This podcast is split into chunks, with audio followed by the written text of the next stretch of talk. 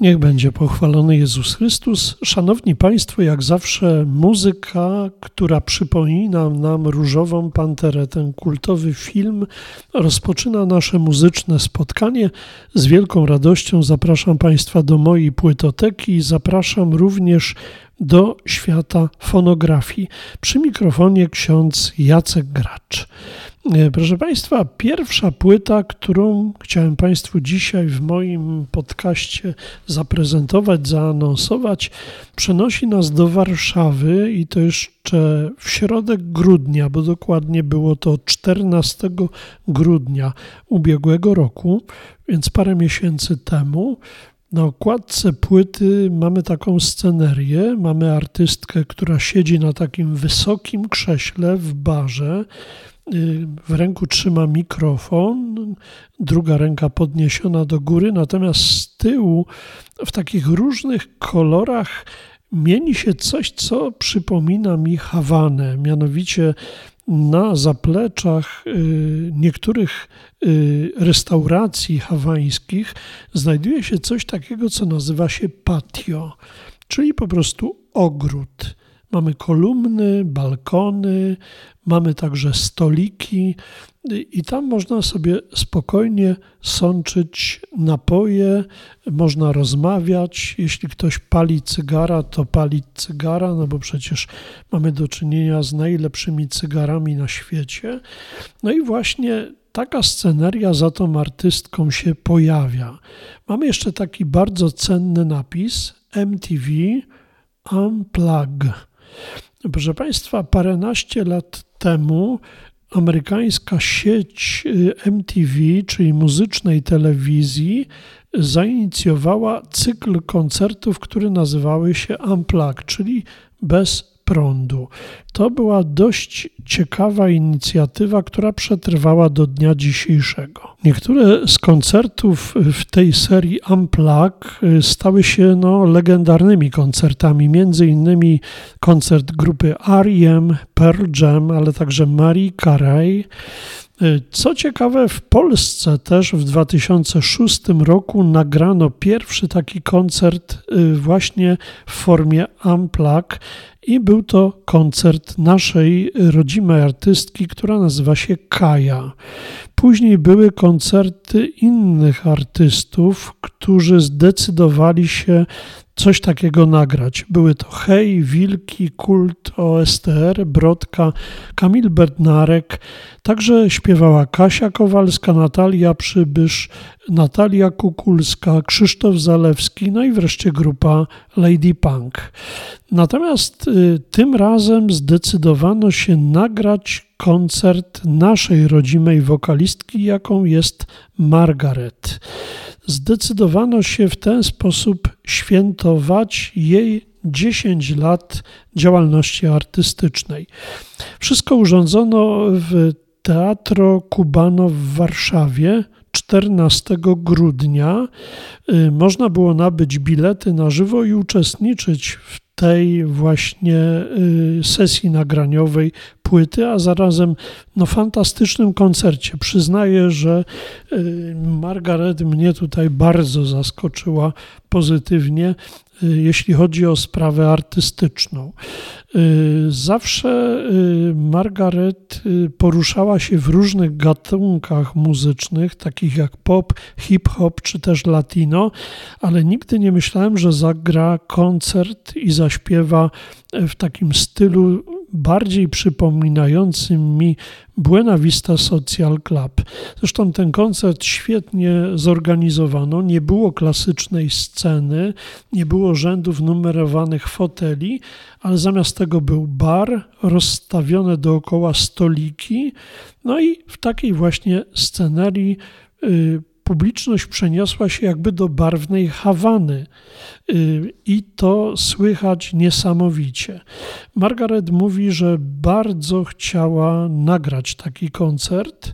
mówi tak, że y, koncept tego y, albumu i tego koncertu chodził za mną już od jakiegoś czasu, bo zawsze czułam, że moje serce ciągnie do Ameryki Południowej. W mojej dotychczasowej dyskografii jest wiele inspiracji tą właśnie kulturą. Baila, funky, reggaeton, dancehall. Z drugiej strony dużo we mnie wschodniej melancholii, dlatego robimy gorącą latynoską imprezę w sercu dalekiej północy. No bo y, to, y, proszę Państwa, 14 grudzień, a więc była wtedy zima w Polsce. Mm, fantastyczny koncert. Naprawdę i świetni goście, i świetna sekcja instrumentalna.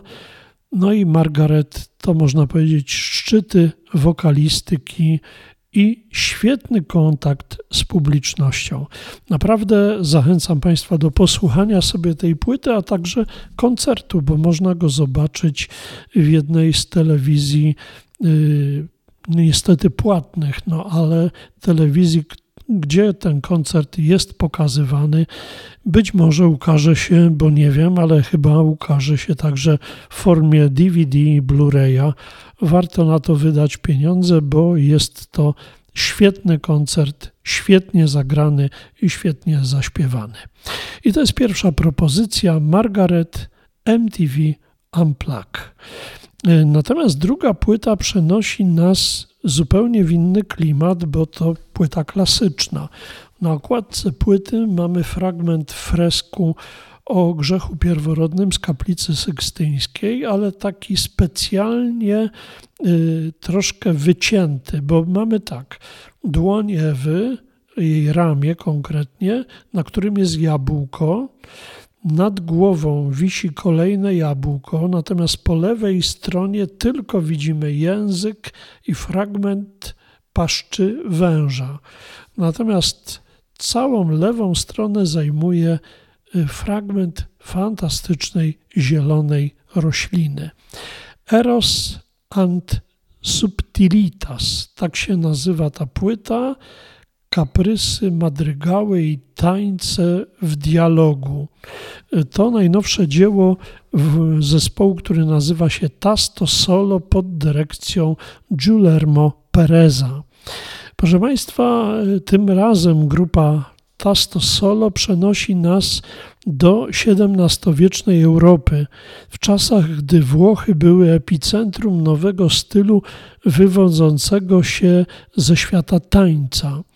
Y, cały album obraca się wokół ciekawej postaci kompozytora włoskiego Vincenzo Ruffo i jemu współczesnych. Vincenzo Ruffo był ciekawą postacią, urodził się w Weronie, zmarł w maleńkim miasteczku, który nazywa się Sacile. Kształcił się y, przy katedrze w Weronie w specjalnej szkole przeznaczonej dla ministrantów i kleryków. Zrezygnował jednak z przyjęcia wyższych święceń i wstąpił w związek małżeński. Najpierw przeniósł się do Mediolanu, gdzie wstąpił na służbę u gubernatora Alfonsa de Alvaros. Później otrzymał posadę kapelmistrza katedry w Savonie.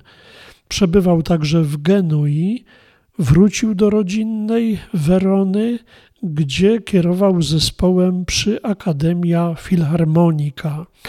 Później już przeniósł się do katedry werońskiej, gdzie był kapelmistrzem.